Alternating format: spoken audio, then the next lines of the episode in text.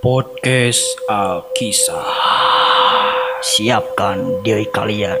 Karena podcast ini bikin susah tidur. Selamat mendengarkan. Halo guys, balik lagi sama kita di podcast Alkisah. Kali ini kita akan membahas tentang hal mistis yang ada di budaya Nusantara. Tapi di sini gue nggak sendirian. Gue sama teman gue Salma. Halo, gue Salma. Sebelum ke narasumber kita yang masih di daerahnya masih kental dengan budaya mistisnya, gue mau nanya dulu ke lu nih Sal. Gimana pendapat lu tentang hal mistis yang ada di budaya Nusantara? Kalau menurut gue sih Indonesia dan hal mistis itu sulit untuk dipisahkan. Karena kepercayaan masyarakat yang kuat tentang hal mistis dan kayaknya sih udah menjadi bagian dari masyarakat Indonesia. Karena mistis itu berakal dari kebudayaan masyarakat Indonesia. Kalau menurut lo gimana sih tentang hal mistis? Nah, kalau menurut gue hal mistis ini sih percaya atau nggak percaya juga sih. Eh, gimana ya jelasinnya? Soalnya percaya karena ada buktinya, nggak percaya juga belum ke efek ke gua gitu loh. Oh, kayak gitu ya. Nah, pas banget nih, Bal.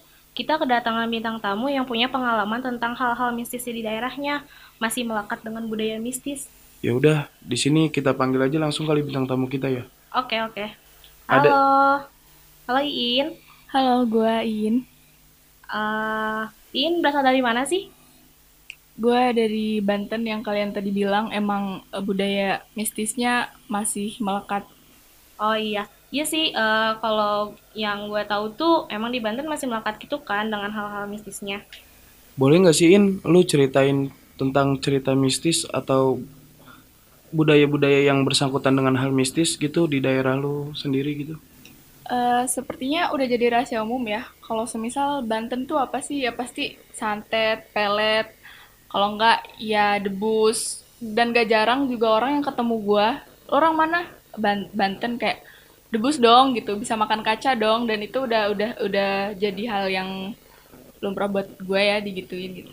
Berarti udah kayak stigma orang-orang tuh tentang Banten tuh berarti santet, terus pelet, ya. Ya emang kayaknya emang Banten tuh emang bener-bener gak bisa dipisahin dari yang namanya pelet, santet. Eh, In, gue mau nanya dong, boleh nggak sih ceritain eh, yang menurut lo cerita yang paling seram di Banten tuh kayak gimana?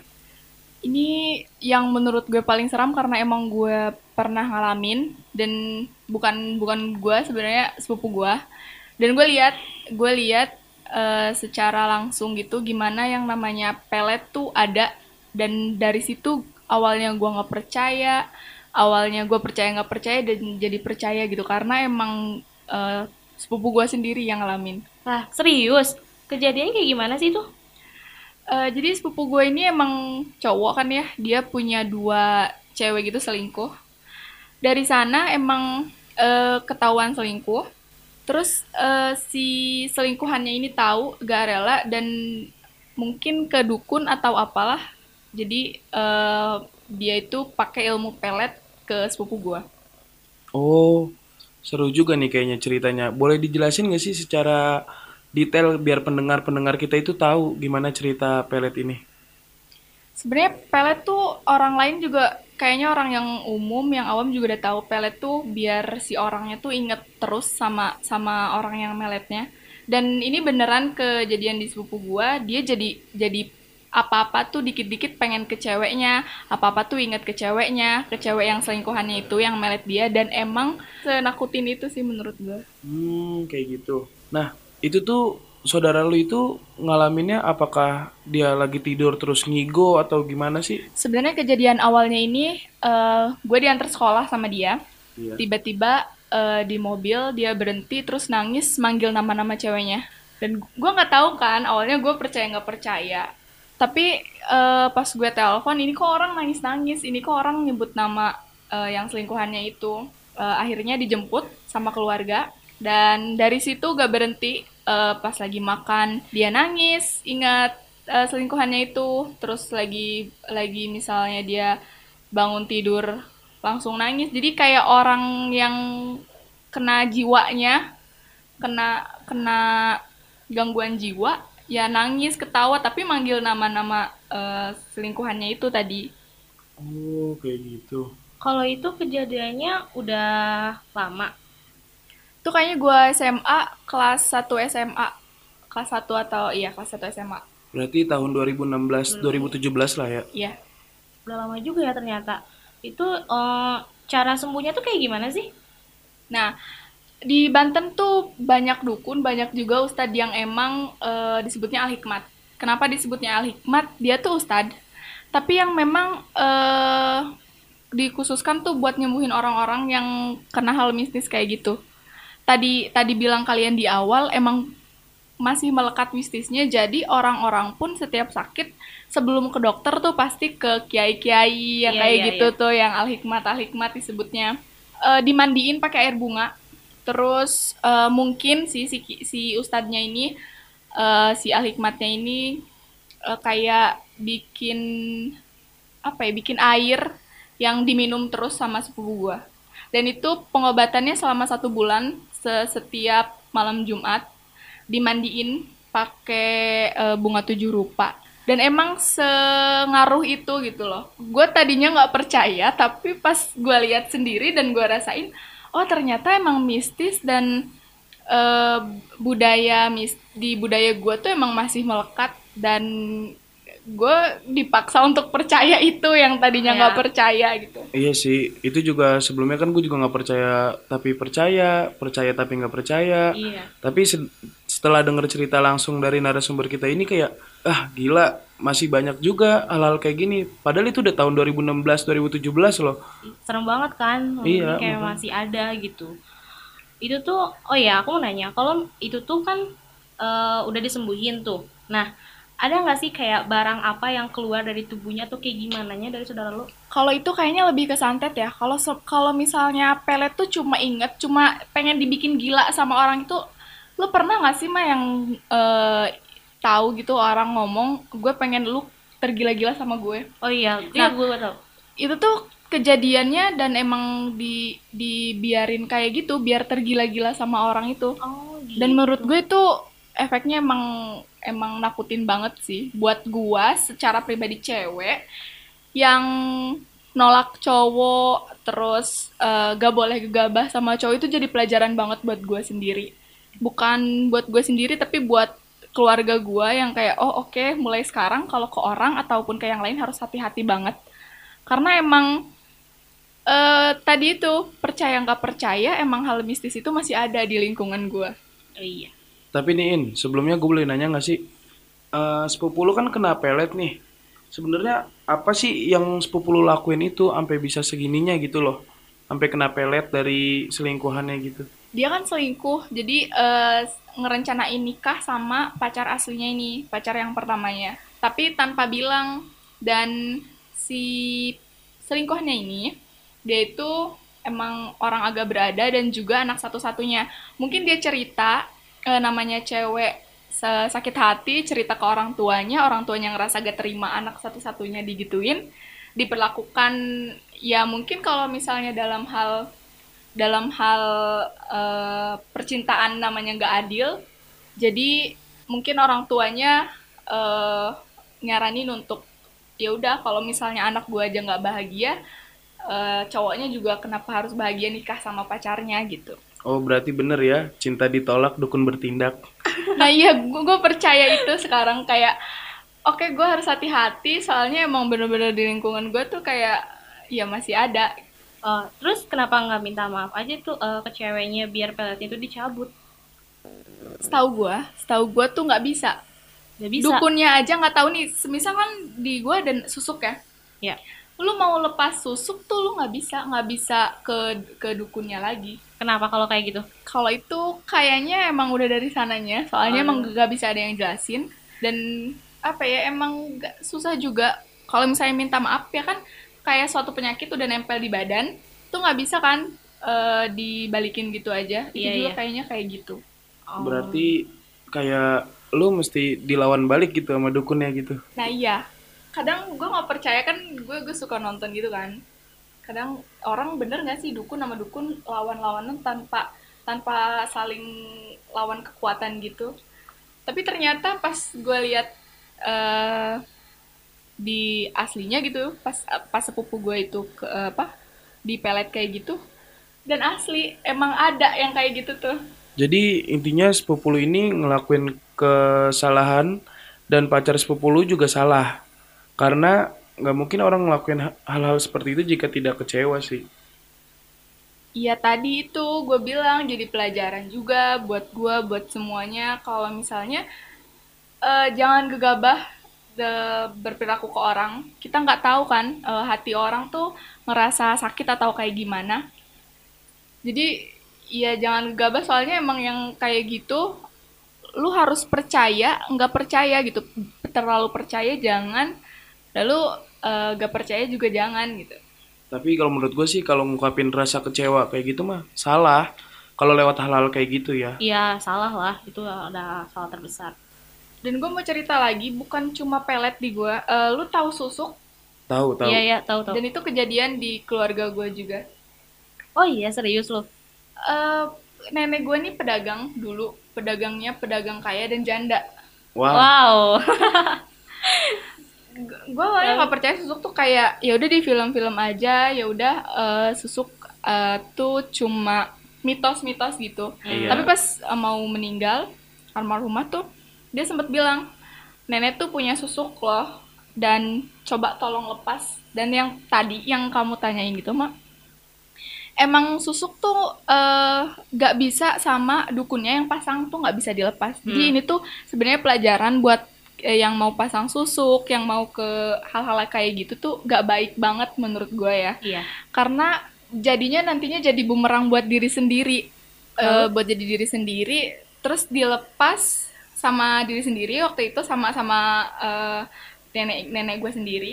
Pakai ada namanya eh, daun kelor. Oh iya, iya. Iya, Pernah karena dengar sih, iya, iya. diusapin dua hari itu bibir nenek gue bengkak coy asli. Gue disuruh percaya nggak sih di situ? Kayak gue nih gue nih awalnya kan nggak percaya tapi setelah kejadian-kejadian di lingkungan gue sendiri yang bukan katanya lagi tapi gue nyaksiin jadi gue dipaksa buat percaya kayak oh oke berarti emang emang eh, hal kayak gitu tuh ada Kayak tiba-tiba bengkak aja gitu sih mulutnya tuh. ya mungkin itu dari efeknya Ada ya. efeknya ya? kan semua ada sebab akibat Iya. dan itu eh, termasuk efeknya gitu Tapi sorry nih, kalau sebenarnya susuk itu eh, yang kita dapetin tuh apa sih? karena nenek gue pedagang susuknya tuh satu di tangan satu di bibir kalau pedagang kan dia pegang-pegang barangnya katanya sih. Dia pegang barang terus eh, sama nawarin ke orang. Nawarin ke orang tuh biar orang tertarik aja liatnya. Dan juga nenek gue tuh janda. Waktu itu eh, disebutnya bisa dibilang janda kaya karena dagangannya yang sukses itu. Iya, iya. tapi balik lagi karena dia pakai susuk yang menurut gua nggak lazim ya Iya. kalau misalnya soalnya ada sebab ada akibat. Ya dari situ lo pernah dengar nggak sih bal yang namanya mati ditunda karena dia punya punya kejayaan-kejayaan tuh kayak kayak eh, apa ya semacam Ilmu-ilmu yang masih ilmu- nyangkut ya, kayak gitu. ilmu-ilmu dan dua hari dari lepas itu nenek gua meninggal Oh iya, gue juga punya loh tetangga yang kayak gitu. Dia jadi eh, katanya emang pakai susuk gitu loh. Ya, dia harusnya udah meninggal, tapi karena sakit ditunda kayak gitu sampai emang benar-benar nggak bisa apa-apa kayak kakinya bengkak yang kayak gitu.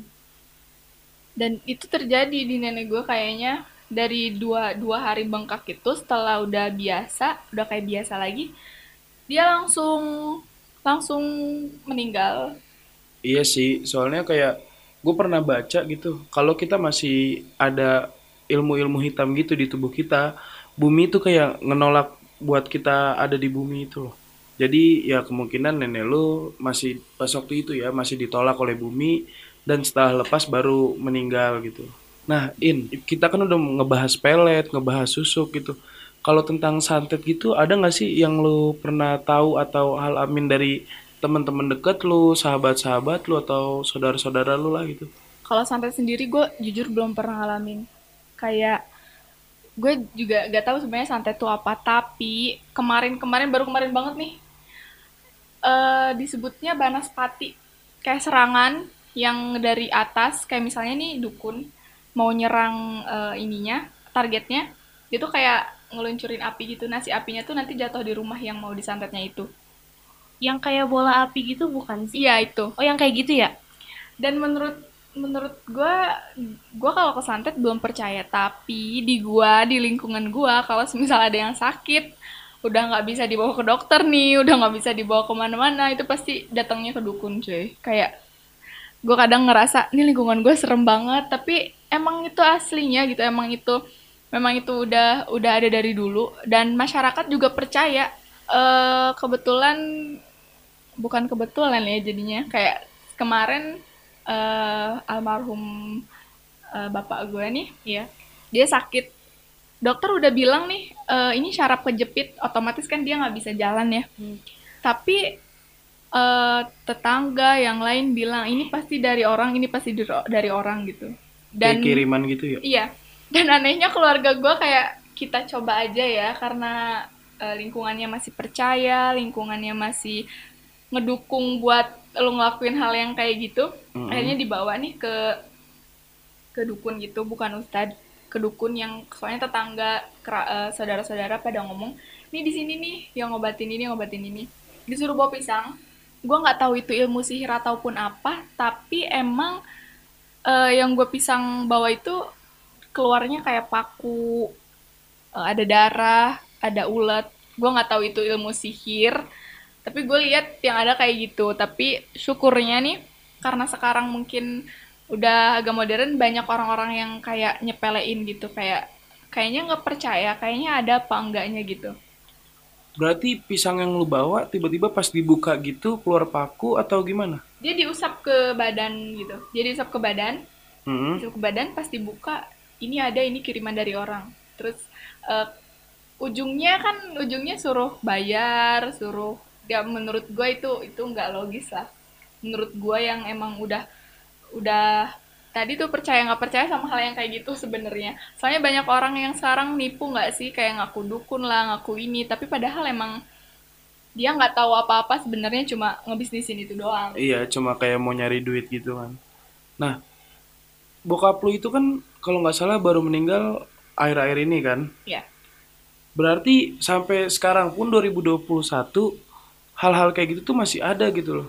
Masih. Kayaknya emang tadi tadi Salma bilang nggak bisa dipisahin dari dari lingkungan gue itu karena emang udah turun temurun, udah masyarakatnya tahu, apalagi banyak orang tua orang tua yang emang masih percaya sama eh, kata orang dulu Oh iya. Iya kan, kata orang dulu tuh gini loh, kata orang dulu tuh gini. Jadi mereka emang masih masih eh, pasti nggak akan nggak akan jauh dari hal yang mistis kayak gitu. Apa pun penyakitnya, lu, lu datang deh ke tempat gua. Apa pun penyakitnya, eh, penyakitnya setelah ke dokter nggak bisa atau sebelum ke dokter, dia pasti ke dukun dulu. Jadi ujung-ujungnya tuh dukun ya? Ya. Dan itu tuh dukun tuh bukan berlaku untuk hal-hal yang mistis aja kayak gitu, tapi untuk acara-acara pun Hmm? eh, banyak yang digunain pakai tanggal gitu. Kayak nih, nih jangan dipakai nih tanggal segini, nanti rusak ke badan, nanti nanti eh, bisa bisa ada penyakit yang nggak bisa diobatin. Hmm, kayak gitu. Dan itu banyak dari kecil sampai sekarang banyak gue laluin kayak ini ini nggak logis loh, tapi kejadian. Iya, pokoknya emang nggak bisa di, dipisahin eh, menurut gua lingkungan lingkungan gua sama yang namanya hal mistis karena orang-orangnya emang masih percaya itu dan juga eh, kalaupun nggak percaya kita ngalamin iya, benar kita sih. ngerasain tapi Iya, iya. kalaupun percaya kayaknya ngeduain Tuhan nggak sih Iya. gitu Iya, kan? benar sekali. Tapi lu ada nggak sih, In? Nih, gue mau nanya bercanda-bercanda aja gitu. Lu ada nggak sih niatan kayak mau pakai susuk atau ah coba ah ngepelet orang gitu? Wah, kalau misalkan emang ada udah ada di nyobain kayak gitu, bahaya juga ya. Tapi boleh sih kenalin dikit. Ya? Kayaknya gua nggak ya untuk ke situ. Gila eh, 2021 lu mau pak mau pakai cara kayak gitu bertahannya mau sampai berapa bulan? Iya, iya. iya. Tapi kalau misalnya gue mau bisa sih sebenarnya, tapi untuk kepercayaan gue kayaknya enggak deh. Dan ada sebab ada akibat.